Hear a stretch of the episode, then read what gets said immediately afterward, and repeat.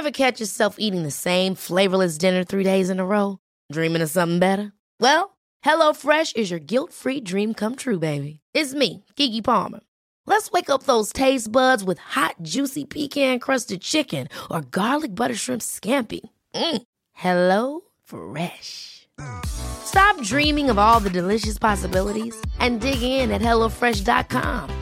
Let's get this dinner party started. One size fits all seems like a good idea for clothes until you try them on. Same goes for healthcare. That's why United Healthcare offers flexible, budget friendly coverage for medical, vision, dental, and more. Learn more at uh1.com. Du lyssnar på en podd från Mediahouse by RF.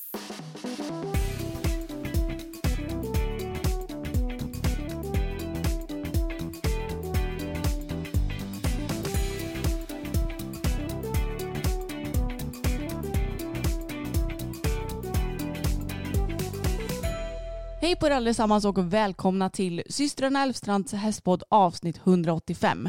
Välkomna, välkomna. Jag som pratar nu heter Emma. Och jag heter Anna och det här är podden om oss, våra fyra egna hästar, vår gård och gårdsliv och ja men lite annat inom hästvärlden. Det stämmer bra det. Hur är läget med dig då? Jo men eh, lite småseg, lite trött i vanlig ordning känns det som. Jag vet inte vi, vad, vad man behöver för att bli pigg när Jag man är vuxen. säga, kan det bero på det som vi gjorde igår kanske? Det kan ha en eh, orsak till det ja. Mm. Vi sov ju nämligen ute i stallet igår. och det kommer ha kommit upp på kanalen nu va? Det är Mm. uppe. Så vill ni spana in när vi sover över i stallet så kan ni gå in på YouTube och göra det. Men eh, jag kan ju avslöja att jag sov faktiskt bättre den natten än vad jag gjort i natt tror jag. Ja. Jag vet inte varför, ibland är det ju bara så att man Ja. har vissa nätter där man inte sover så himla bra. Du, du får gå all in på det här med halmsovningarna Ja. eftersom det verkar vara sån toppen idé. Det verkar så. Jag, jag kanske får bygga mig en egen liten eh, ligghall här på gården. Exakt. Jag bara, hej då Samuel, jag flyttar in hos Emma nu. Ja. Vi säljer huset, nu ska vi spara pengar så vi bor i lösdriften hos Emma. Ah, så sjukt. Men eh, hur mår du då? Nej men alltså, eh, nu när vi spelar in så är det fredag och det där jäkla bulgariska viruset det ger inte med sig. Men det känns som att du blir liksom inte riktigt sjuk heller. Ja, nej, och nu känns det typ värre än vad det var när vi spelade in förra gången. Ja. Så jag, jag vet inte, normalt sett när vi blir sjuka, som vi har sagt förut, så blir vi ju jättesjuka jättesnabbt och sen går det över på typ två dagar. Ja. Men nu är det så här, det, går, det bryter aldrig ut helt och hållet och det går aldrig över. Så jag är fan skittrött, har ont i huvudet och är bara irriterad på det här. Och det är inte så att man hinner vila heller, för vi har ju alltid mycket att göra nu när vi har kommit tillbaka från semester. Mm, precis, så det är ju lite segt. Men eh, ja, vi får hoppas att den går över någon gång. Ja, jag ska ju tävla nu till helgen som kommer. Just det. Så då hoppas jag verkligen att jag ska bli frisk. Och på tal om det Anna, så ska ju jag rida båda tjejerna. Det ska du. Mm, då ska jag rida båda tjejerna i en meter eftersom inte du ville rida Bälsan. Mm. Men eh, det ska bli väldigt roligt. Jag är taggad och bara hoppas på att jag hinner hoppa ja, men ett par gånger innan det också. Ja, det kommer du väl göra. Vi har ju hoppträning bland annat. Jo, vi kommer hoppa en gång i alla fall. Men jag hade ju önskat att kanske hinna hoppa någon mer gång innan. Ja, vi får se lite hur det blir. Oavsett vad så kommer det att lösa sig. Båda tjejerna är ju väldigt fina nu i alla fall. Det är de och jag tänkte säga att det är ju upp till dig hur många gånger vi hinner hoppa. Nja, nja. Det är väl upp till både väder och vår tid och allt vad det nu är. Ja, jo. Men det är ju framförallt du som stoppar eller kör på saker känns det som. Tycker du det? Ja. Nej, jag orkar inte idag. Eller nej, men vi, det funkar inte. Nej, jag orkar inte plocka fram några hinder i ridhuset eller liknande. Nej. Jo. Ja, men det- så är det inte nu i alla fall. Nu är det ju det här jävla vädret. Ja, jag, vet, jag är så jäkla trött på allt regn Ja, alltså. jag vet. Och att vi är så upptagna på kvällarna nu också på helgen så känner jag hur fan ska man hinna med allt och ja, jag vet inte. Nej. Vi, vi kommer säkert att hinna med det och Ja. oavsett vad så är ju du och Belsan är ju världens team så att det kommer Jo. inte vara några problem. Det är vi ju får jag säga. Nu hoppas jag att jag och Pebban får eh, ta lite revansch i en meter också. Ja så att det inte är så här att en meter är den där klassen som ni inte klarar av. Så här, det är fem centimeter till från 95 centimeter men där en meter där går gränsen. Det är då Nej. jag börjar klanta mig. Ja Nej då, precis. Absolut inte. Men eh, det ska bli väldigt roligt i alla fall. Ja och jag menar hon är ju bra mycket, ni är ju mycket bättre som team nu Ja, än vad vi. ni var i juni blir det va? Ja exakt. Så att det, jag blir förvånad om det skulle hända igen. Hon är en smula lättare att svänga du än vad hon var då också. Ja, och kommer ju förhoppningsvis bli ännu bättre. Ja men det hoppas jag. Men ska vi ta och uppdatera lite om vad som hänt med hästarna i veckan då Anna? Ja men det tycker jag och det har väl egentligen varit en ganska, vad ska man säga, händelselös vecka för hästarna eller? Ja det skulle jag säga. Det var inte jättelänge sedan som vi poddade heller känns det som. Nej. Eh, men eh, jag har ju tränat Pebban för Pia. Mm. Och det är lite roligt för anledningen till att jag gjorde det, det är för att vi ska starta igång en ny YouTube-serie i höst. Och det är en YouTube-serie som kommer fokusera på dressyr, för jag vet att vi har många som tycker det är intressant med dressyr. Och så har Pia varit så snäll och sagt att jag eh, ställer gärna upp och är med i ja, men en sån här utbildningsserie kan man ju säga. Så planen med den det är att ni ska få följa mig och Pebban och Anna och Fokus och när det är mig och Pebban som kanske är på en lite lägre nivå än vad du och Fokus är så kommer de avsnitten mer vara på lite mer hur eh, vart befinner vi oss idag och vad ska vi göra för att ta oss vidare till det här med ett mål som jag har satt upp. Ja och hur ni jobbar varje pass för Mm. att få er båda bättre liksom. Ja precis, med fokus på ja, lite olika saker, lösgjordhet och samling, tack. Alltså ni fattar kanske lite mer utbildningsskalan och hur, ja, men hur vi ska utvecklas. Medan när vi följer dig och fokus kommer det vara lite mer fokus på övningar och rörelser och hur man rider dem. Ja, det ska bli väldigt kul för att jag, jag tycker ofta det är så när man lär sig att rida och man lär sig en viss rörelse, säg vad som helst, skänkelvikning. Då, då, då lär man sig det först med alla de tekniska detaljerna. Men sen så när man har ridit det ett tag så känns det som att man lite, det, det, man gör ju det bara. Så det ska bli roligt att verkligen få höra Pia vad hon har att säga om alla olika rörelser och hur man gör olika saker. Ja, och jag tycker också ju mer man lär sig desto mer krånglar man ju till grejer och börjar ifrågasätta sin egen ridning och det man gör och kanske börjar övertänka lite grann. Verkligen. Så ja, men jag tror det kommer bli en väldigt eh, rolig serie, nyttig serie för er som vill lära er mer om dressyr. Pia är väldigt pedagogisk och superbra att träna för. Så då vet ni vad ni har er att vänta er. Sen har vi en till serie på YouTube som kommer komma upp ja, men typ i oktober kanske första avsnittet kommer. Men det pratar vi om lite senare och det kommer bli en riktigt rolig serie för oss att spela in. Ja, det ska bli så kul. Jag är så taggad. Jag med.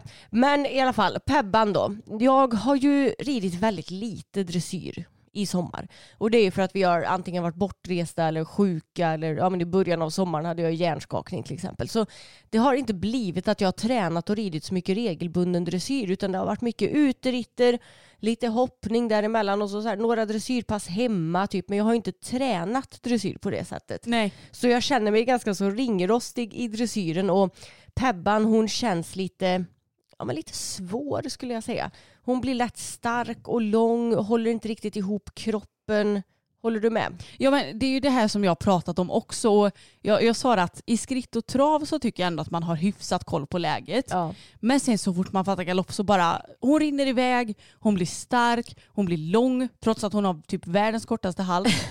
så jag känner mig så dålig när jag rider henne just nu.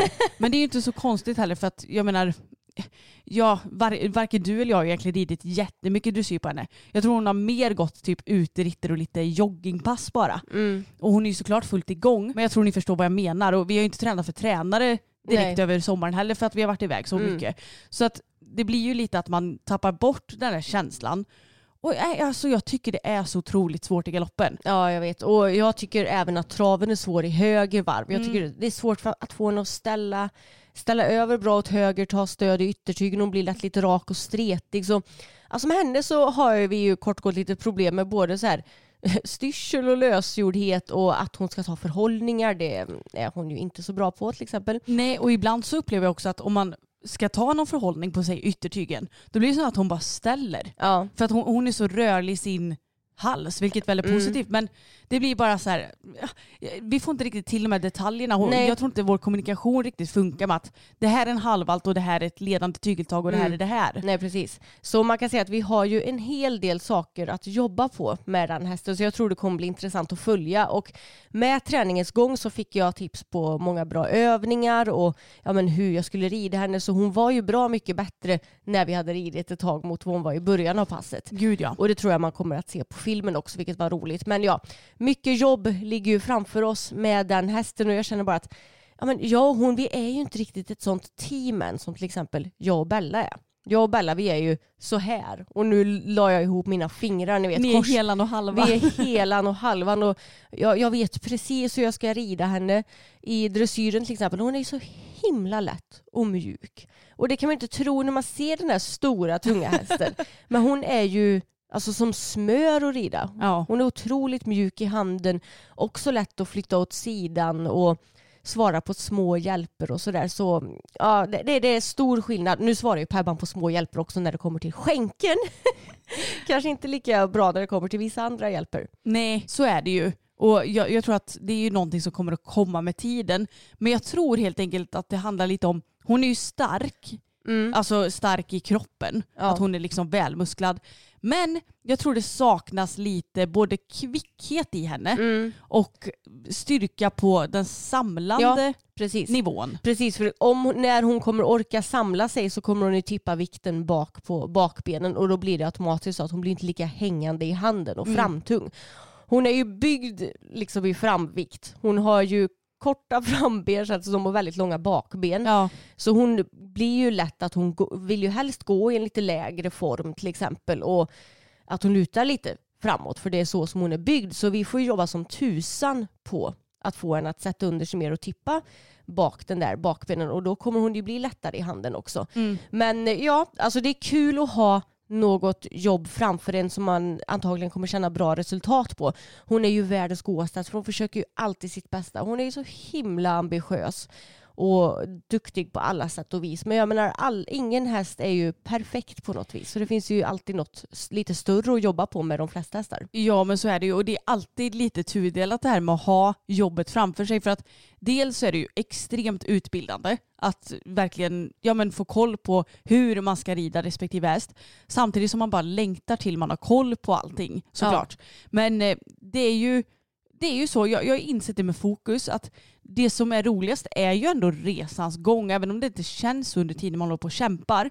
För att nu när han är mycket mer ridbar och jag känner att vi ändå börjar ja, men, falla saker på plats lite mer, då känner jag att jag så här, tar det lite för givet. Ja. Det är lite obehagligt. Ja men det gör man ju för att det är ju din nya vardag nu. Ja. Då, det, då, det vore ju egentligen konstigt om du inte tog det för givet. Att du förväntade dig att han skulle vara samma häst som han var för tre år sedan. Jo, det är väl också sant, men jag tror också att det är därför det är viktigt att komma ihåg vart man en gång har varit. Och Ja. det är väl så vi får vara noga med att komma ihåg med Pebban. Mm. Det handlar ju inte om att föregående ägare på något vis har liksom ridit henne dåligt eller någonting. Tvärtom så har det varit väldigt duktiga personer som har haft henne. Men vi har ju också liksom hennes skada bakom oss och också att vi ska finna vår kommunikation. Mm, exakt. Och det verkar extra svårt på den här hästen måste jag säga. Ja men jag tror att när vi väl får det så kommer det bli så mycket lättare med hoppningen också. Ja, Eh, hon blir ju lätt stark i hoppningen som ni vet. Och ja och rinner iväg lite mellan Rin- två hinder. Och... rinner iväg lite, ibland är det lite svårt att svänga. Så när jag får till dressyren kommer jag ju att få till resten bra mycket bättre också. Mm. Och det ser jag, jag ser fram emot när allt det där sitter lite mer så att jag kan bli lite mer som med Bella, med Pebban. Ja, men jag fattar det. Men eh, de andra hästarna då? Fokus han har, vi har gjort ett litet markarbetespass. Det har vi inte pratat om va? Nej. Nej. Och det gick ju faktiskt hur bra som helst. Vi satte upp, vi har faktiskt gjort en reel på vår gemensamma Instagram, systrarna Elfstrand, så Mm. där kan ni gå in och kolla om ni vill. Och då hade vi tre studs med tre meter emellan, tre galoppsprång på typ, var det 16 meter? Nej, Anna, 13 Ja, just det, meter ja. drygt. 13 meter, drygt. gud nu tänkte jag vad ville upp från början. Ja. Ehm, och sen så hade vi tre stycken räcken som vi hade som två kombination. Tre kombination. Tre kombination. Hallå eller? Hjärnan är inte vaken så här fredag morgon. och där hade vi väl typ 6,5-7 meter emellan. Ja. Ja. Och det var så kul för att jag tänkte att fokus han är ju lite seg när jag ska hoppa. Framförallt när jag ska börja fatta galopp och vi ska komma iväg och starta inför varje hoppning liksom. Så är han lite seg och tar inte riktigt min skänkel och jag har ju ridit nu i, hur länge har vi hoppat? Tre och ett halvt, fyra år? ja, något sånt där tror jag. Ja det måste ju vara mer än tre och ett halvt år för det är ju tre år sedan vi tävlade. Ja. Så säg fyra år då. Och jag har ju ridit med ett spö och det har liksom, alltså han tar inte det där spöet på rätt sätt. Mm. Om jag känner att han inte lyssnar och går på med spöet lite grann på bogen så händer ingenting. Och tar jag det bara pyttelite typ bakom skänken för att så här, hallå du ska lyssna på min skänkel. Då sparkar han liksom bara. Ja. Och han blir bara sur och surnar ihop och så går det ännu långsammare. Är det samma när du rider dressyr? Nej. Nej. Så jag tror att det säkert kanske har lite med gamla vanor att göra hos Mm. honom. Men då var jag så här, ja, jag vill ju helst inte sluta hoppa för att han tycker ju att det är kul. Mm. Det enda som han tycker är jobbigt är det här med att komma iväg. Jo. Och då så tänkte jag att ja, men då ska jag fasen ta och prova och ta på mig ett par sporrar. Ni vet ju, vi har pratat om det här många gånger i podden, att vi vill ju helst att hästen ska lyssna på en lätt skänkel utan den där sporren. Men har man provat nu i fyra års tid så tycker jag väl ändå att det är okej att testa någon annan väg någon Ja. gång. Man behöver inte vara så jäkla svartvit. Nej. Och det är ju inte vi heller. Så jag plockade på mig våra kära sporrar, de är ju bara 15 mm kulsporrar. A.k.a. ponnysporrar. Exakt. Och jag tyckte faktiskt att de gjorde susen. Ja. För att jag tyckte inte alls att jag fick den här bakåtsträvande hästen utan han, han kändes bara mjuk och fin och lyssnade bra på mig och jag behövde inte känna mig stressad över att så här, jag, jag har ingen bra galopp nu inför hindren. Nej. Utan vi lyckades få det ändå utan, jag, jag använde ju inte spåren på något dåligt sätt heller liksom. Utan den bara, den var där och ja, men han gick hur bra som helst. Mm. Så jag ska faktiskt ta och testa lite mer med att ha sporrar när jag hoppar. För att se om det kan hjälpa oss lite framåt. Mm. För det känns lite som vi stått och stampat i det här med, med ridbarheten i hoppningen Mm. länge nu. Ja. Så att, eh, ja, det ska bli spännande att se om det kan ta oss till nästa nivå nu. Ja men jag tyckte han såg ju inte något seg ut under passets gång. Han var inte det. Och han brukar ju vara det lite grann så här i början när du hoppar att han kan vara lite så här, åh, svårt att komma igång mot första hindret men sen när han har hoppat det som går det som tusan. Ja, Men nu var han ju pigg och framme hela tiden så det var väldigt roligt att se. mm, det kändes skitbra. Ja, och jag hoppade Pebban och Bella och båda de tjejerna var ju stjärnor såklart. Ja. Med Pebban så var ju, ja det, det, det blev lite starkt och det blev lite dragigt och det blev lite trångt ibland men hon löste det fint tycker jag, hoppade väldigt bra. Bella, ja hon är ju väldigt okomplicerad när det kommer till att hoppa sådana här grejer. Oh ja. Lite som Boppen var. Alltså man hade kunnat ställa upp alltså, den krångligaste jävla övningen ni någonsin kan komma på. Alltså det svåraste med de mest konstiga avstånden och han hade ju löst det utan problem. Ja, Och, i sömnen. Ja, i sömnen. Och Bella hon är ju lite grann så också. Mm. Så det var väldigt roligt och i slutet så ändrade vi om lite grann så att jag ja, tog studsen och sen tre galoppsprång till bara ett större räcke och då hoppade vi 1,15 och det var det har vi nog inte hoppat sen i våras tror jag, jag och Bella. Eftersom du har ju hoppat henne mest nu Ja. de senaste månaderna. Precis. Så jag, jag tänkte att det är väl lika bra att ni känner på något högre språng. Det kan också vara skönt, även om det inte är en hel bana så kan det vara gött att ha något högre språng i kroppen inför en hopptävling där ni ska hoppa en meter. Liksom. Ja exakt. Så jag tyckte ni var skitduktiga. Ja men hon var väldigt framme och fin också och jag har ju insett att jag behöver jobba henne lite mer från marken innan jag sitter upp Mm. och ehm, även när jag sitter upp att jag får vara liksom lite bestämd mot henne för hon är ju hennes svaghet i ridningen, hennes typ enda svaghet skulle jag säga, det är att hon inte alltid är framme för skänkeln. Ja. Att hon ibland bara Nej, nu tycker jag att du lyssnar på din skänkel överhuvudtaget för jag har lust att gå som en snigel eller jag har lust att göra det här typ. ja, det var ju det som var bekymret på senaste tävlingen. Exakt. Och det blir ju bekymmersamt då på sådana tillfällen kan man ju säga. Mm. Men eh, nu provar jag faktiskt att rida med dressyrspö, vilket jag tycker är bra att använda för då kan jag använda det där skänken ska vara. Hoppspö det är inte lika effektivt på henne.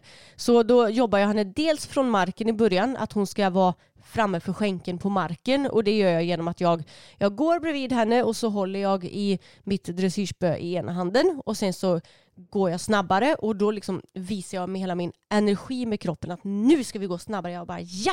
Lite den energin. Och att hon då ska lyssna framåt och gör hon inte det så kan jag bara dutta lite grann med spöet, ja men där skänken ska vara ungefär. Och det brukar hon lyssna väldigt bra på så har jag bara korrigerat henne så en gång så är hon verkligen med mig framåt sen. Mm. Så det ser jag till att göra i båda varven. Jag flyttar även rumpan i båda varven, det vill säga att jag har henne lös och sen så tittar jag på hennes rumpa och att hon hon då ska flytta undan den. Så att jag märker att ja, men nu är hon, det är också en del av att vara framme för skänken, tänker jag. Ja Eh, men att vara lite kvick åt ja, sidorna. Exakt, att Mm. vara kvick åt sidorna och det blir ju som att mitt öga är skänken om du fattar Mm. vad jag menar. Och sen ja, men när jag har jobbat den lite grann så så sitter jag upp och då skrittar jag på långa tyglar och så fortsätter jag lite det här lösgörande jobbet på långa tyglar. Och då helt enkelt så använder jag mitt eh, huvud och mitt ansikte från hästryggen. Så till exempel säg att jag rider i vänster varv och vill att hon ska flytta undan ehm, Vänster skänkel. ja, för vänster. Eller vänster rumpa. Ja, precis. Om, att, att hon ska flytta rumpan åt vänster. Då vänder jag mig om och tittar åt vänster på hennes rumpa. Ja, du vill att rumpan ska gå åt höger va? Ja, precis. Och då blir det som att, ja men då gör hon det och så går hon typ i en öppna. Mm. För att eh, framdelen går ju kvar där jag vill och bakdelen har flyttat sig lite grann. Och så behåller jag innerskänkeln långt fram så hon formar sig så blir det typ som en liten öppna fast på långa tyglar. Mm.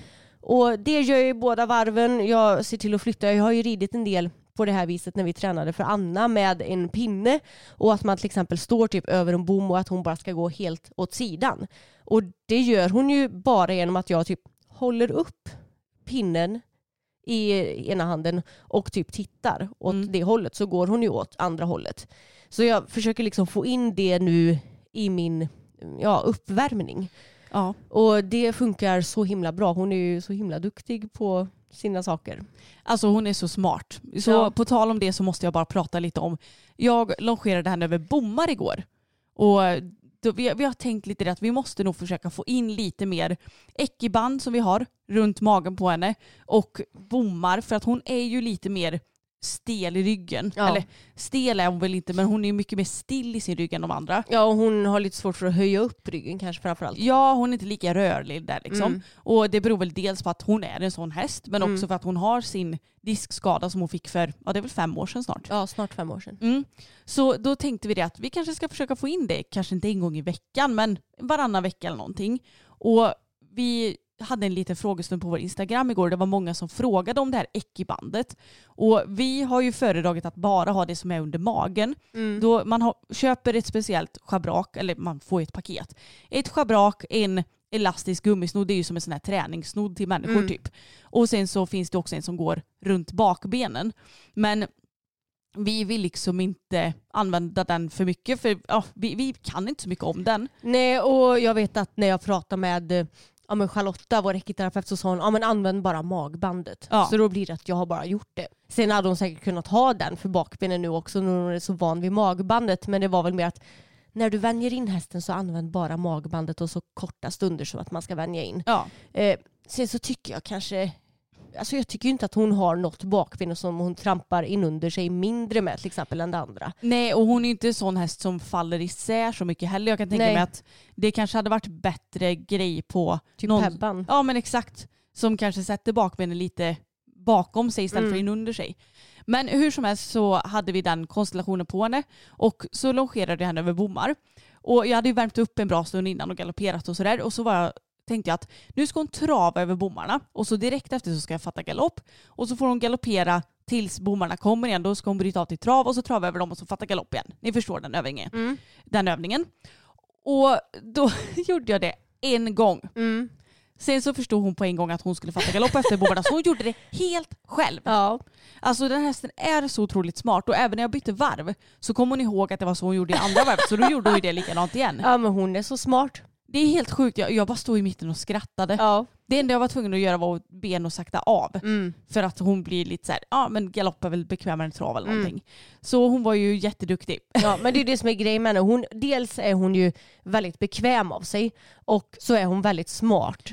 Så hon är ju väldigt lätt att lära saker men det är också lätt att hon tar över handen och vet själv vad hon ska göra. Ja det är det som är grejen, vi har ju tränat så mycket mentalt med henne. Och det är ju inte så att det lossnar på en gång. Eller det är inte så att det försvinner från hennes hjärna. Mm. Utan hon vet ju exakt vad hon ska göra. Och mycket Mm. har ju handlat om repgrimma, rep och så att vi har haft dem på volt. Då ska jag Ja. lära dem att ja, men vända, om man tittar på rumpan ska de vända upp mot oss med sitt ansikte och sådana Mm. saker. Så att det räckte ju att jag bad den och sagt av till skritt så vänder hon ju upp och tittar på Ja, mig. ja. Och jag bara, du ska skritta. Då pekar jag ut till det varvet jag vill att hon ska gå. Då börjar hon Mm. galoppera iväg och så får man hålla på så här. Nej du ska skritta och då vänder hon upp och så tittar hon på mig och jag bara, Bella du ska skritta på volt. Ja, hon är en underhållande häst är hon. Det kan man säga. Ja, nej men nu tillbaks till markarbetspasset då. För då hade jag ju gjort den lilla uppvärmningen på Mm. långa tyglar och jag märker att det är så bra för henne. För alla gånger nu när jag har ridit på ridbanan och värmt upp på det här sättet, då frustar hon i Mm. skritten. Och det är lite av ett måste för henne. För om hon frustar i skrittet när man värmer upp. Det betyder att okej, men nu är jag avspänd och nu börjar jag bli lösgjord. Alltså hon är, Jag är redo. jag är redo mentalt för Mm. att köra igång det här passet. Så jag har verkligen hittat nu min grej, hur jag ska göra för att värma upp henne. Och det känns så himla skönt för alla ridpass som jag har ridit på banan efter att jag har gjort på det här sättet, hon har varit så jävla fin. Mm. Hon har varit så framme för skänken, hon har varit så lösgjord, hon har varit så mjuk. Och nu när jag red det här markhävspasset så red jag med dressyrspå också samtidigt som jag hoppade. Och hon var så framme och fin för skänken. Så min plan nu när jag ska hoppa på riktigt, typ när jag ska tävla nästa gång. Att jag ska då, samma sak här, göra den här uppvärmningen från marken innan jag sitter upp. Sen att jag gör den här uppvärmningen på långa tyglar när jag sitter upp. Och sen när jag rider fram att jag har dressyrspö och så att jag kan få hjälp av det jag verkligen får när jag är framme för skänken. Och sen när jag hoppar fram så byter jag till hoppspö Mm. och kör på som jag brukar göra. Så det känns som att nu har jag lite mer en plan på hur jag ska göra och att inte bara hon får bestämma utan att det är jag som bestämmer. Det här tempot ska vi ha och nu så ska vi vara mjuka och fina. Ja men exakt och det är ju så svårt när de blir bakom skynket för ibland känns det som att alltså vad ska man göra åt det? Alltså det finns ju gränser på Ja, hur mycket man kan korrigera liksom. exakt. Så det är underbart att du har hittat ditt sätt. Ja, jag får hoppas att det hjälper nu bara, även på tävling. Ja, att det håller i sig. Ja exakt, nu är det ju visserligen bara i Lilla Edet som hon har blivit så fruktansvärt dåligt eh, framme för skänken på. Annars tycker jag inte hon brukar vara utan jag tycker att hon brukar vara bra på tävling. Mm. Så eh, det ska bli intressant att tävla här igen. Jag hoppas att jag får lite bättre känsla än förra gången. Ja, och jag red ju Tage samtidigt som du red Bella. Och jag kände det att jag orkar inte riktigt hoppa för det var ju en serie och jag, ja, alltså han är ju lite kortare i rocken än de andra och då passar inte riktigt avstånden. I så fall måste jag driva väldigt mycket så att han får en stor galopp för att räcka till. Och det orkade jag inte riktigt. Så vi myste runt lite på halsring och galopperade över galoppbommar och jag tror nästan det är ett av våra bästa halsringspass. Mm. För att han var så himla känslig och fin. För när jag värmde upp så red jag mycket skritt och mycket halter. Och i början kan man behöva liksom ta och lätta med ringen lite för att han ska fatta att han ska göra en halt. Men nu räckte det verkligen att jag spände magen och spände mina ljumskar mot sadeln. Så gjorde han så fina halter och jätte, jättefina ryggningar. Ja. Det är ju inte riktigt hans starka sida för i ryggningarna så kan han gärna höja halsen lite och bli lite, jag vet inte, han tycker väl det är jobbigt helt enkelt. ja, och grejen med ryggningar också det är ju att de måste ju ha mycket framåtbjudning för att få till de där ryggningarna. Mm. Och också att de måste vara på bakbenen. Så till exempel med en häst som Pebban, hon har ju mycket framåtbjudning. Men hon är ju stark redan som det är. Så om hon ska gå ännu mer bakåt så tycker jag det blir ännu svårare. Bella till exempel, hon är ju grym på att rygga. Mm, oftast fokus också. Mm. Men det är så intressant med ryggningar nu när vi kom in på det. För att man tänker ju hela tiden att ja, men det är väl bara en övning att göra, det är väl bara att rygga. Men det är så avslöjande hur hästen är i övrigt genom Japp. ryggningar. För att de måste som du säger vara framme, ha en ordentlig ja, men skritt eller trav in i halten, komma under sig med bakbenen och sen kan man rygga fint om de har kommit bra in där, in, äh, där innan. Liksom. Ja, och då ska de inte lägga sig i handen heller utan Nej. de ska behålla den här mjuka kontakten Mm. och framförallt också rygga rakt. Ja det är ju alltid lite svårt. Mm. Ja men Bella hon är fan en av de bästa hästarna jag har ridit när det kommer till att rygga tror jag. Ja du har fått bra betyg på tävling med. Ja det har jag fått. Nu har jag inte ridit jättemånga klasser där ryggning har ingått men eh, det kanske bara är en. Ja, det på. kanske bara är en. men Men där fick fick jag du? fan en sjua på. Ja. Det fick du. Jag har också fått bra bet- jag, jag har fått lite olika. Det har varit allt från fyror till sju och en halvor tror jag till och Ja med. men det är nog inte helt ovanligt kan Nej. jag tänka mig.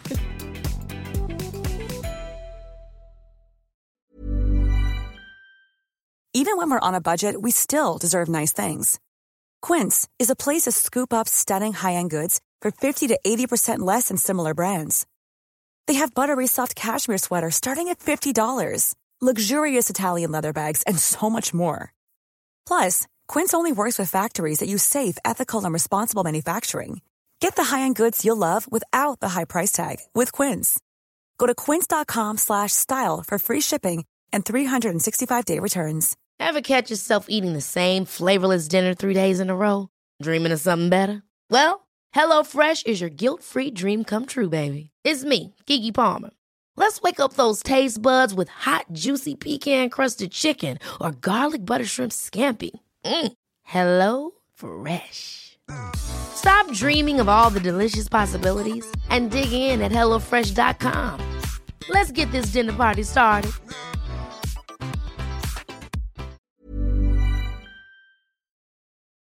Jag tänkte att vi skulle ta upp ett klipp som har gått och blivit viralt Emma.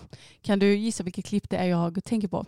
Är det Lina Dolks klipp? Det stämmer bra Mm. det. Lina Dolk hon var och tävlade i Surahammar och då var det nämligen så att de har tre banor bredvid varandra. Två stycken tävlingsbanor och sen så har de framridningen i samma, jag tror det är en jättestor paddock liksom. Mm. Så de har framridning och två banor på samma gång.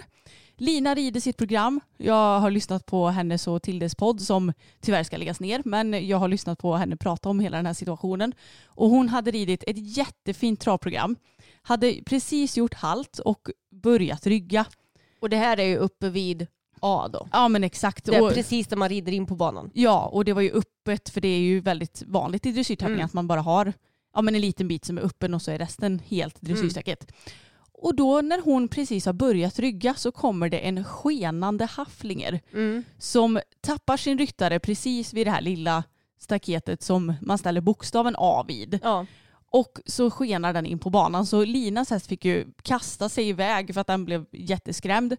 Och tydligen så var det också två andra ryttare tror jag Ja. som ramlade av i samma veva. Man ser den ena av de hästarna springa lös på Mm. filmen också var i bakgrunden. Och det som är så, så otroligt kul det är dels att filmaren bara är så här iskall Mm. och fortsätter att filma alltihopa. Zoomar liksom ut så man ser hela händelseförloppet.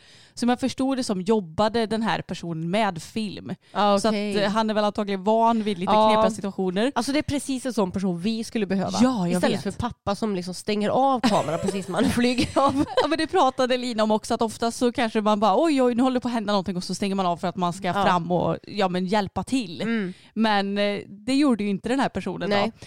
Utan man hör hur mammorna blir helt tokiga Mm. och det skriks stäng grinden, ligg kvar till den här kvinnan då som hade ramlat av hafflingen. Och det var också sådär men är det där min häst? Var är min dotter då? Mm. Man hör liksom paniken i deras röster. Och ni måste in och titta på det här klippet om ni inte redan har gjort det. Ja. Gå in på Lina Dolk med två in på Instagram och så ligger det i flödet. För att det är en otroligt rolig film Ja. och det gick ju bra med alla inblandade som jag förstod det som. Mm. Det var kanske någon som fick lite hjärnskakning men jag hoppas att det gick bra med övriga. Ja. Och jag tycker att det är en så komisk film för det innebär ju att allt kan hända på tävling. Mm. Uppenbarligen så kan man råka bli mer än ett, än ett ekipage inne på banan, eller ja, en häst Ja. inne på banan. Och det fick mig att få en liten funderare över säkerheten egentligen kring dressyrtävlingar. ja, precis. För det känns som att eh, man tar lite för givet kanske att ingenting ska hända på dressyrtävling. Nej. För att är, Hästarna är, så, dresserade. ja, det är så lugnt och det är inga hinder så då är det ingen risk att man ramlar av Mm. och sådär. Men det är klart att det kan hända på dressyrtävling också. Jag vet att när jag red Bella i Vänersborg så var det en tjej som red en busig häst som bockade av henne på framridningen och jag menar det kan ju hända. Visst var det på framridningen som, de hade, som kaoset hade börjat här. Precis. Och om det är i anslutning till banorna, det säger ju sig självt att då kan det ju bli ganska så kaosartat. Mm. Och det kändes som att ja, man hade kanske kunnat vara lite bättre förberedd på en sån här situation på den tävlingsplatsen. Det var någon grind som var öppen och så har jag sett i kommentarer att det var något tågspår som var i närheten. Då kanske man ska se till att alla grindar är stängda eller att man åtminstone har någon som står där och kan stänga grindarna snabbt så att inte något sånt här kan hända eller att någon olycka kan ske på det här sättet. Ja, och det är klart att man förväntar sig inte att det ska ske sådana här saker. Men som jag förstod det som så hade det väl varit två hingstar som rykit ihop på framridningen. Och då hade den här hafflingen blivit skrämd och stuckit för livet liksom. Mm. Och det var väl antagligen de här två hingstarna vars ryttare åkte av. Och då blir de här hingstarna lösa och så är det ju lite ston på tävlingsplatser också. Mm. Det är ju inte heller optimalt. Även, man kan ju inte rå för om man åker av Nej. så det är inte det jag, jag antyder om här. Men det känns ju helt klart som att man behöver ju ha någon form av grindvakt som kan snabbt stänga om det skulle bli lösa hästar. Mm. För det är ju det minsta, eller det, det är ju det man kan göra för att hindra att saker Ja, händer. Liksom. och då funderar jag på hur, hur vi gör när vi har tävling. Då har, vi har ju framridning i vårt stora ridhus Mm. och där kan man ju lätt stänga om det skulle behövas. Det står ju alltid funktionärer där och släpper in och ut hästarna och Mm. vi ser ju till att inte hela den här stora ingången är öppen heller. Nej, och vi brukar ju alltid ha lite hinderstöd och bommar för så att det är egentligen Ja. bara en liten öppning så man kan komma in och ut. Mm. Så då blir ju risken inte så stor att hästen kan komma Nej, precis. in och ut snabbt. Och det är ju inte kopplat till några tävlingsbanor heller utan det är ju bara framridning där. Sen brukar vi ha när vi har dressyrtävling utomhus som till exempel nu när vi ska ha eh, DM så har vi två banor ute och så har vi collecting ring. Och så har vi ju dels så har vi ett stort staket mellan banorna Mm. och sen så har vi också staket lite överallt. Men framförallt så har vi ju vi har ju egentligen två stycken grindar till paddocken. Den ena är alltid stängd och sen så är det ju en person som släpper in ryttarna på banan. Så den står ju vid den andra grinden och hade ju kunnat stänga den på två sekunder om det hade behövts. Ja men precis, så den är ju inte stängd förrän det kanske behövs. Nej. Och det roliga är att jag har alltid varit sån här inför våra dressyrtävlingar bara måste vi ha det här höga staketet emellan för det är ju ännu mer staket att ställa ut och så ska de vara raka och så ska det se snyggt ut. Mm. Det är ju mycket jobb inför en dressyrtävling på, eller det är klart det är inför hopptävling också, men på ett annat sätt. Men jag inser ju mer och mer hur värdefullt det är för det kan hända saker. Jo. Alltså hästen kan ju bli jätteskrämd för vad som helst och så ligger man där på backen och många hästar kanske inte reagerar med att stanna och bara oj, jag tappar min ryttare. Utan många springer ju iväg. Ja exakt. Och kanske speciellt om man har blivit skrämd så ja, då, Mm. det säger ju sig självt att de vill springa iväg. Mm. Men jag tyckte det var lite kul också för det var någon som hade kommenterat på Linas, i Linas kommentarsfält att ja, eh, taggat Anna Hassö tror jag det var och bara det här skulle ju, de skulle ha sett din film Anna eller något liknande. Mm. Och då blev jag nyfiken och jag bara vad är det här då? Och då gick jag in och kollade på Anna Hassös video. Ja, det stod ingen bildtext till så att det, det, Det- är liksom ingen förklaring. Det var väl inte hon som red den tror jag utan jag tror att det bara var en så här film som var för ett antal år sedan på Ja. någon ryttare. Okej, jag fick inte det förklarat för mig för det var som sagt ingen text till själva filmen. Nej. Men det som man ser på den filmen i alla fall det är ett fälttävlansprogram, ett fälttävlansdressyrprogram. Där man ser hur ryttaren och hästen de rider sitt program och däremellan så kommer det en lös häst och galopperar in på banan och sen ut från banan och sen kommer den tillbaka och springer Ja. nästan i vägen för den här Mm. ekipaget som tävlar och så springer den iväg igen. Och, alltså den, den, jag vet inte vad den gör riktigt. Nej. Den ser inte stressad ut heller. Nej, och det var ju en gräsbana och så Mm. det var inte riktiga dressyrstaket utan det var nästan som om det låg typ bommar på marken och bara... Det var bommar på Ja, det var bommar Ja. som fixade till banan. Och det var ju en mycket mindre kaosartad situation så jag tycker inte riktigt man kan jämföra de båda. Nej, det var precis det jag skulle komma till. För att jag menar, har två hingstar bråkat, en hafflinge får total panik och skenar för sitt liv versus en häst som den såg ju liksom inte stressad Nej, ut. den såg hur lugn ut som Ja. helst. Den bara sprang omkring lite grann. Och... Ja det var som att den bara la la la la di di di. Ja. Alltså den hade the time of his life. Mm. Eller her life, jag vet Ja. inte vad det var för kön på den. Men med det sagt så är ju otroligt imponerad av ryttaren som rider det här fälttävlansdressyrprogrammet att inte tappa koncentrationen. För jag är ganska säker på att varken du eller jag hade klarat av att behålla koncentrationen om det kommit in en lös häst på banan och fortsätta programmet som om ingenting håller på att ske liksom. Men det går inte riktigt att jämföra och ja, självklart ska man försöka hålla sig lugn i situationer. Mm. Men det är kanske inte alltid så lätt och speciellt om du vet att det är ett tågspår. Mm. Då, då kanske man faktiskt behöver ha lite adrenalin att stäng grinden för 17 Mm. så att man inte glömmer det. Kommer det tåg i fel situation då? Ja, precis. Mm, det blir inte så kul. Nej. Så att det är lätt att stå bredvid och säga att men herregud lugna ner er. Mm. Men hade du och jag varit på den tävlingen så kanske vi hade betett oss likadant. Liksom. Ja, vem vet. Ja, så att jag ibland tycker att det är lätt att, att döma. Ja, Även om folk kanske inte menar det på det sättet heller. Men Nej, precis. Men ja, det, det vi kan ha lärt oss från den här situationen är att alla vi som ordnar tävlingar ser till att ha bra säkerhet och eh, ja, men en plan på vad vi ska göra i en liknande situation om det skulle ske. mm, Vem stänger den grinden och vem gör det och vem gör det? exakt. Så att det inte behöver bli så här kaosartat som det var på den här filmen. Nej.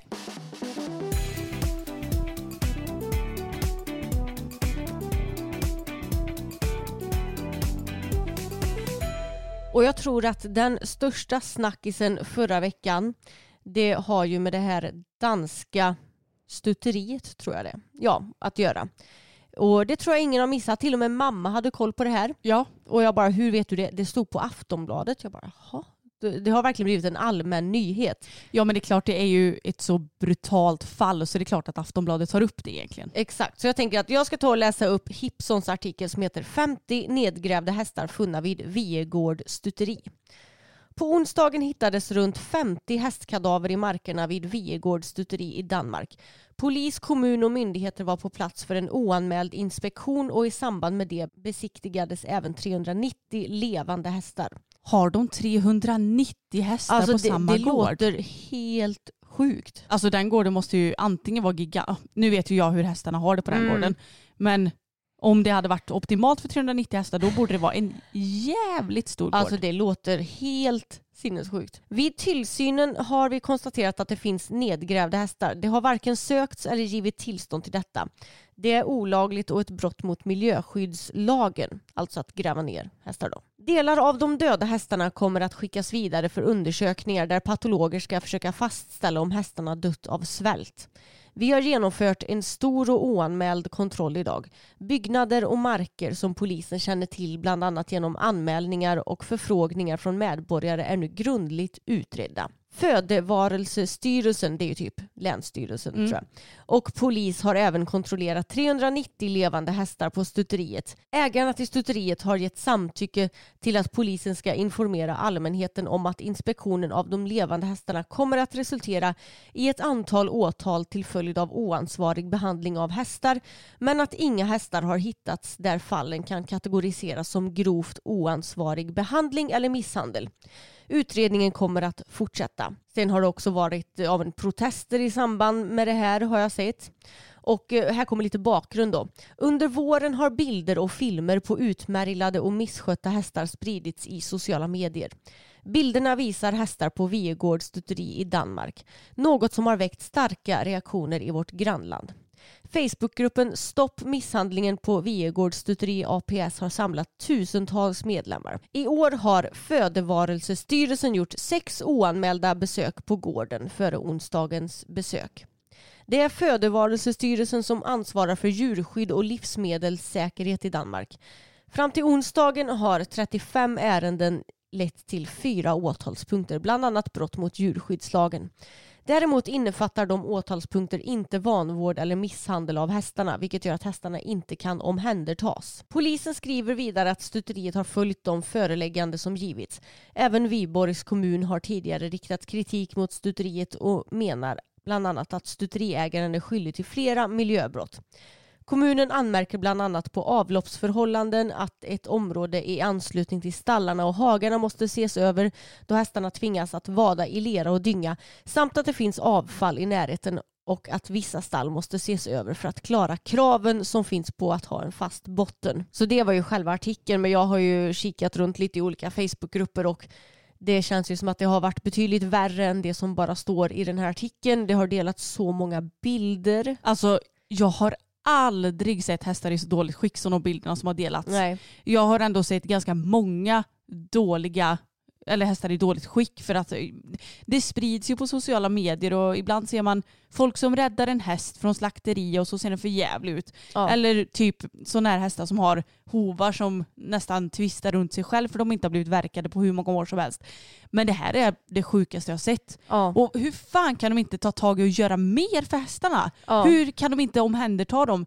För att de, alltså måste de ha så bajsnödiga jävla regler eller? Men det är ju det som är problemet med eh, ja, men, de här sorters lagarna. Och... Ja men typ som Länsstyrelsen i Sverige och sånt där ja också men det eller? känns som att det ska krävas så himla mycket för att någonting ska bli gjort. Mm. Och ja, jag vet inte, det, och allt vad det nu är. Och jag måste också läsa upp en, eh, ett Facebook-inlägg av en kille som hade jobbat på Vegårds stuteri.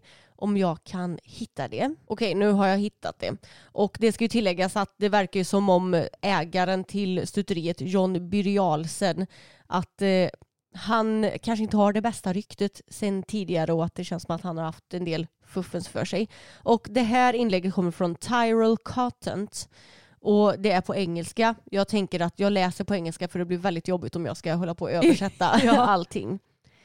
I went out to work for him and found out everything that was said to me was a lie. everything from the horses to the living situation and the pay was all a lie. When I couldn't take any more of the situation, he said he wouldn't let me leave. He holds his employees that are from different countries basically hostage. The embassy had to get my body and I out of there. Så han försökte ju då alltså Sluta. lämna, Mm. ja, sluta, men han blev typ hålld, ja men Alltså tvingad Ja, eller? tvingad att vara kvar så att han och hans kompis var tvung, tvungna att ta hjälp av ja, men deras lands ambassad för att kunna ta sig Det är därifrån. ju helt sjukt ju. För det första. He has 500 some horses he owns on seven different farms with only five employees. They feed moldy silage to these horses only and don't clean the stalls. There are horses with open wounds and no vet around in sight. He lets them die and doesn't help them. I'll let the pictures say the rest. These are only a few of the ones I have on my phone. I tried my best to help these horses as much as I could. Let's blow this guy up and get these horses help. These pictures are from March 2023. Och så är det ju då bilder på, ja, Ja, fruktansvärda bilder. ja exakt. Men okej, så att han har alltså 500 hästar Ja, på på, sju olika gårdar ja jag har och förstått fem det. anställda. Ja, Så varje anställd har hand om 100 hästar då. ja, Vad det, rimligt. ja, det verkar ju inte bättre. Och det som jag tycker är konstigt är att folk verkar ju också ja, men använda hans eh, typ hingstar till att betäcka sina med och då stöttar man ju den här sortens verksamhet. Precis. Jag vill minnas att jag läste någonstans att eh, ja, men de här fina typ avelshingstarna till exempel, de är i bra skick. Ja. Men det ja, men de andra hästarna som ser ut som på bilderna. Alltså jag blir så jävla arg. Mm. Sälj hästarna om du inte kan ta hand om dem. Hur jävla svårt ska det vara? Ja, Hur fan kan man ha hjärta att utsätta dem för så himla mycket skit? ja jag vet. Alltså jag har aldrig sett hästar i så dåligt skick. nej. Det är helt sjukt. Jag har aldrig sett hästar som är så smala. nej, Man trodde inte ens att de hade de skelettdelarna i kroppen som syns på de här bilderna. nej, exakt. Och jag menar uppenbarligen så är det ju många som har vetat om de här situationerna. Jag har också läst någon som var hos honom för att typ köpa häst Mm. och att eh, det var så här, nej du får bara vara i det här stallet, du får inte kolla runt någonting. Och då försökte han ju då dölja de här smala hästarna Ja. och, sådär. Så, då att- har han typ så här ett fint stall. Det här är så här, här är alla välkomna och sen resten är bara skit. Ja men typ. lite så. Mm. Och det är ju misstänksamt om något. Och uppenbarligen är det ju folk som har reagerat och som har anmält. Men det är bara så sjukt att det ska krävas så extremt mycket för att få något gjort. Ja och uppenbarligen så är det inte tillräckligt ens nu. För Nej. att de kan inte omhänderta hästarna. Nej. Man bara, men de kan, kanske dör snart om de inte gör någonting. Ja. För att de är så smala och har sår och är skadade. Mm. Och har han grävt ner 50 hästar som de har hittat, vad har Mm. han mer gjort? ja exakt. Vart är resten? För jag antar att det inte bara är 50. Nej det, det skulle jag inte tro. Jag menar om man har 500 hästar ungefär, då när den här killen jobbade. Mm. Ja, alltså det säger ju sig självt. Ja Det måste finnas fler som har dött hos han, på, Mm. på hans gård. precis. Åh, jag blir så jävla provocerad. Ja vi får hoppas att den här hemska mannen får ett riktigt ordentligt straff Mm. och att hästarna faktiskt tas hand om. Alltså jag vill typ åka dit och hämta ett gäng. Ja, Men vart fan ska vi ställa dem? Vi har ju inga stora marker heller. det hade varit väldigt stort för dem. Sant. Mm. De kanske inte är vana mer än, de kanske bara är i sina boxar typ. Ja, Eller i en lerig hage typ, hur Mm. många som helst på samma plats. Precis. Nej jag blir så jävla less alltså. Ja, vi, får, vi får se vad det blir för uppföljning i det här fallet. Jag kan tänka mig att det kommer skrivas en hel del om det och jag är tyvärr inte så insatt i det som jag hade önskat att jag var. Men eh, jag vet inte, jag tycker det är så jobbigt att läsa om sånt här Ja, också. jag vet. Jag tycker det med. Och också så är det så krångligt med vilka lagar som gäller och varför blir det så här och så här. Ja, det är, ibland, ibland så är det ju svårt på svenska ens att läsa sig till vad, vad som gäller här. Och Precis. då är det ännu svårare på engelska eller danska att förstå sig Ja. på de lagarna. Exakt, men det ska man ju komma ihåg att du får inte gräva ner hästar vart som helst. Nej. Varken då i Sverige eller Danmark uppenbarligen. När vi skulle gräva ner Abbe var ju vi tvungna att få tillstånd till det och det har ju dels med typ vatten att göra. Ja. Ja, så att man inte gräver ner hästkroppen för nära ett vattendrag så att Ja. det blir ja, men otjänligt vatten. Liksom. Mm. Så det var, det var ju också en lång process och det var därför vi Mm. kände lite att vi inte ville göra samma sak med boppen. Nej. För vi också så att ja, det, det kändes mycket skönare för alla inblandade om han bara kunde få somna in på klinik. Ja. och det ja. ångrar vi inte en sekund. Nej, verkligen inte. Men eh, ja, viktigt att tänka på att man får inte göra så. Nej. Och jag antar att det gäller egentligen vilka djurkroppar som helst. Men det är klart att en liten katt under ett träd i trädgården Mm. ju kanske inte större, eller så stor skada som Nej. en häst Exakt. som är mycket, mycket större. Är det här är fruktansvärt. Jag Mm. hoppas att det får ett lyckligt slut. Något väldigt kul som håller på att närma sig det är ju EM. Mm. Och det är ju både i hoppning och dressyr. Fälttävlan har redan klarats av. Ja, Så, och jag följde faktiskt ingenting från det. inte jag heller. Men eh, vi är ju heller inte så superintresserade av just fälttävlan, även om det är imponerande. Men ja, det, jag tycker inte det är riktigt lika kul att titta på bara. Nej, inte jag heller av någon anledning. Har inte fastnat för det. Men det är ju då dags för EM i Milano, Mm. Italien, i hoppning då. Och de fem svenska ryttarna som kommer att rida det är Henrik von Eckermann på Iliana, Rolf-Göran Bengtsson och Suchero, Jens Fredriksson, Markan Cosmopolit, Petronella Andersson och ursäkta men Castres van de Begin, Begainacker. Begainacker. Gud, jag läste samtidigt som jag pratade, det var inte lätt. Och Vilma Hellström och Sissi. Mm. Och nytt för i år, det är att samtliga fem ryttare får rida och fyra ingår i laget och den femte rider individuellt. Ja, det är ju väldigt roligt Mm. så att inte bara en åker dit och ah, nu ska jag... Pillar sig i naveln typ. Ja, de brukar väl rida typ så här, andra klasser kanske. Ja. Men det är också roligt att ha en chans. Ja men precis. Och vem det blir som ingår i, eller vilka det är som ingår i laget, det får vi veta i början av nästa vecka så det kanske har kommit ut nu när vi släpper den här Ja, podden. tusan jag är så nyfiken. Jag Ja. hoppas ju att Vilma och Sissi får mig. Det hoppas jag också. Och det, det känns ju nästan som att Petronella kommer vara ja, reserv. hade jag fått gissa så hade jag fått göra det. Vi får Ja. se om vi har rätt nu då. Ja, det återstår att se. Och jag tänkte också berätta hur det sänds. SVT sänder då onsdag den 30 augusti klockan ett och då är det kval individuellt och i lag. Mm. Den 31 augusti så är det klockan ett också och då är det första finalomgången i laghoppningen och sen så är det kval individuellt. Den första september så är det klockan halv två och då är det andra finalomgången för laget och medaljutdelning i laghoppningen. Mm. Och så är det också kval individuellt då. Ja. Och på söndagen den 3 september så är det final individuellt och då är det klockan 12.30. Yes. Och samtliga sändningar är på SVT1 förutom finalen på söndagen är på SVT2. Mm. Och så finns det såklart på SVT Play också. Jag måste bara säga, anledningen till att jag sa yes, det var för att jag tävlar på lördagen. Så då, behöver, då missar jag ingenting. Yes. Jag vet! Åh det är perfekt Vi kan, Eva. eh, förhoppningsvis kan vi se allting om vi planerar vår Ja, vecka. förutom vi ska ju ha en fotografering den 31. Just det. Så det blir svårt. Men eh, ja, det, det löser sig. Det är ändå första finalomgången. Och då kanske man Mm. kan så här, blunda och hålla för öronen och så kolla på det på kvällen. Ja, precis. Och sen så ska jag ta och berätta om dressyren också. Och EM i dressyr då, det avgörs i Tyskland i Riesenbeck. mm. Visst gör det det? Ja. Ja. Och då, de som ska vara med i laget det är Patrik Kittel på antingen Touchdown eller Forever Young. Therese Nilshagen och Dante Veltino, Malin Wahlkamp Nilsson och Bergsjöholms Valbon och Juliette Rammel och Buriel. Och sen så är Johanna Dubois och Maisie Klövenhöj reserv. Mm. Och då så sänds det från EM i dressyr 7 september 9.20 till 12.40 på SVT Play och sen 13.45 till 17.35 SVT Play och då är det Grand Prix. Mm. Den 8 september så är det från klockan, ah, det är det här som är så kul med dressyr, det är så här en hel arbetsdag. ja, verkligen. Från klockan 10 och så är det ju någon paus däremellan till 17.35 då är det Grand Prix special och det är också på SVT Play. Och sen 13.20 till 17.34 så är det KYR och då är det väl finalen. Det var väldigt då. Jag, jag gick in på SVT, svt.se men det måste ju finnas även på vanliga tvn eller?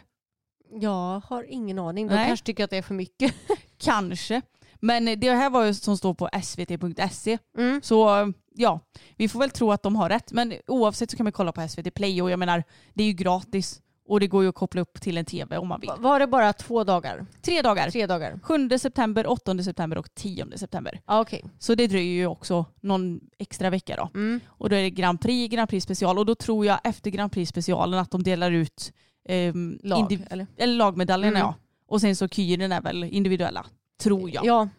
Om jag inte minns helt fel. Det stod lite dåligt på den här sidan. Alltså måste jag tycker det är så konstigt med dressyr för jag vet att eh, på förra mästerskapet, så här, du, som individuellt kan du vinna en guldmedalj i den här klassen. Ja. Sen kan du vinna en guldmedalj i den här klassen. Just det, men det kanske är så det är förresten. Det är nog medaljutdelning efter varenda gång. Så kan det nog vara. Alltså, det vad- brukar det Ursäkta men vad fuskigt. Det är ju mycket större chans att du kan vinna pris i dressyren än i hoppningen i så fall. vara.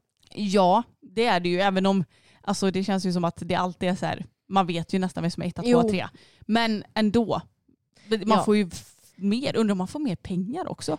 Kanske. Det, det är därför som jag tycker att dressyr är lite, nja, alltså inte så himla roligt att kolla på. För man, som sagt, man vet ju till, nästan till 100% vilka som kommer vara topp tre i alla fall. Ja, man kan ju gissa i alla fall. Och även i laget. Mm. Alltså så här, se, senast när Sverige kom trea, det var ju för att det var, det var ju då när eh, Charlotte Jardin blev utesluten. Just det. Annars hade ju Sverige kommit fyra. Ja. Så då är det så här, oj det, det är något sånt kanske som kan hända. Okej, men eh, om Sebdoima ska gissa här då, medaljerna. Eh, menar du dressyr? Mm. Men jag, jag, jag har ju ingen riktig koll. Ja, men, eh, Jessica von Bredow kommer ju garanterat ta guld. Ja. Alltså det är jag nästan 100% säker på Ja. och det hoppas jag ju på också. Sen så vilka är det mer som rider? Charlotte Fry va, antar jag. Ja, Hon lär ju säkert också ta medalj. Eh, sen kommer jag typ inte ihåg vilka det är vi har. nej, nu när inte Katrin Dufour är med så är det ju lite så här... eh, Nej, och um, Dujardin, har hon någon häst på den här nivån just nu? osäker. Nej, Ja. men jag är jättedåligt insatt i dressyr. Men får jag se en liksom startlista på de här ska vara med. Då, Då kan, jag, du säga det. Mm. Då kan jag säga. Men vilka som tar medalj i lag då, det borde du ändå kunna. Ja men det, det är Tyskland, de lär ju garanterat vinna. Ja. Sen så Danmark gissar jag på och Storbritannien. ja. Sen är det frågan om, nu när Danmark inte har sin Katrin Dufour, då kanske de tar Ja, just det. Mm. Och att Storbritannien tar silvermedaljen. Mm. Alltså det vore ju väldigt, vi hoppas ju såklart på svensk medalj. Ja men det, Men det är ju mycket svårt. till. Det är Ja. ju större chans för svensk medalj i hoppningen för där kan ju lite mer vad som helst hända. Sen så är det ju det är ju inte samma grundpelare i det svenska hopplaget nu med de rutinerade hästarna och sådär utan nu är det lite mer vi bygger på framtiden och det tycker jag ska bli väldigt roligt att se. Ja men superkul för jag menar nu har vi haft samma gamla lag Mm. väldigt länge och de är ju skitduktiga och uppenbarligen levererar de. Men någon gång måste man ju våga sig på att ge lite yngre förmågor tänkte jag säga när Jens Fredriksson är med. Men han är, han är ju inte någon ny. Bengtsson. Men jag menar de har ju nya hästar Mm. istället. Okej kanske inte Jens då. Nej. Men jag menar som eh, Vilma och eh, Petronella. Ja exakt. Det, vi behöver in lite, med lite nytt blod i lagen. Ja Så är det ju. exakt. Vi kanske kan göra en liten tippning, eh, nej vänta här nu. Jo. Jo men vi borde hinna det inför nästa avsnitt va? Men ska vi göra då får vi kolla upp exakt vilka som är med så kan vi göra en liten tippning. Ja det får vi göra. Både individuellt och i lag. Mm, Okej, vi vi ser till att fixa det, vi lovar det. Ja, vi lovar det.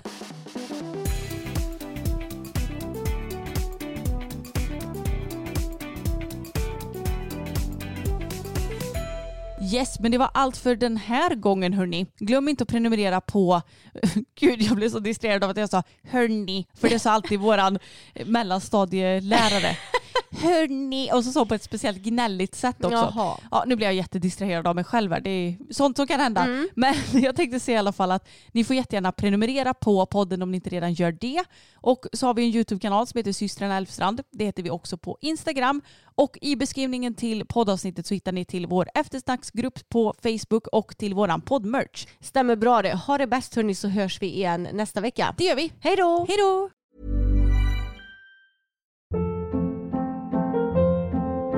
Hold up. What was that? Boring. No flavor. That was as bad as those leftovers you ate all week. Kiki Palmer here, and it's time to say hello to something fresh and guilt-free. Hello Fresh. Jazz up dinner with pecan-crusted chicken or garlic butter shrimp scampi. Now that's music to my mouth. Hello Fresh. Let's get this dinner party started. Discover all the delicious possibilities at hellofresh.com. Imagine the softest sheets you've ever felt. Now imagine them getting even softer over time. That's what you'll feel with Bowl and Branch's organic cotton sheets. In a recent customer survey, 96% replied that Bowl and Branch sheets get softer with every wash. Start getting your best night's sleep in these sheets that get softer and softer for years to come. Try their sheets with a 30-night guarantee. Plus, get 15% off your first order at bowlandbranch.com. Code BUTTERY. Exclusions apply. See site for details.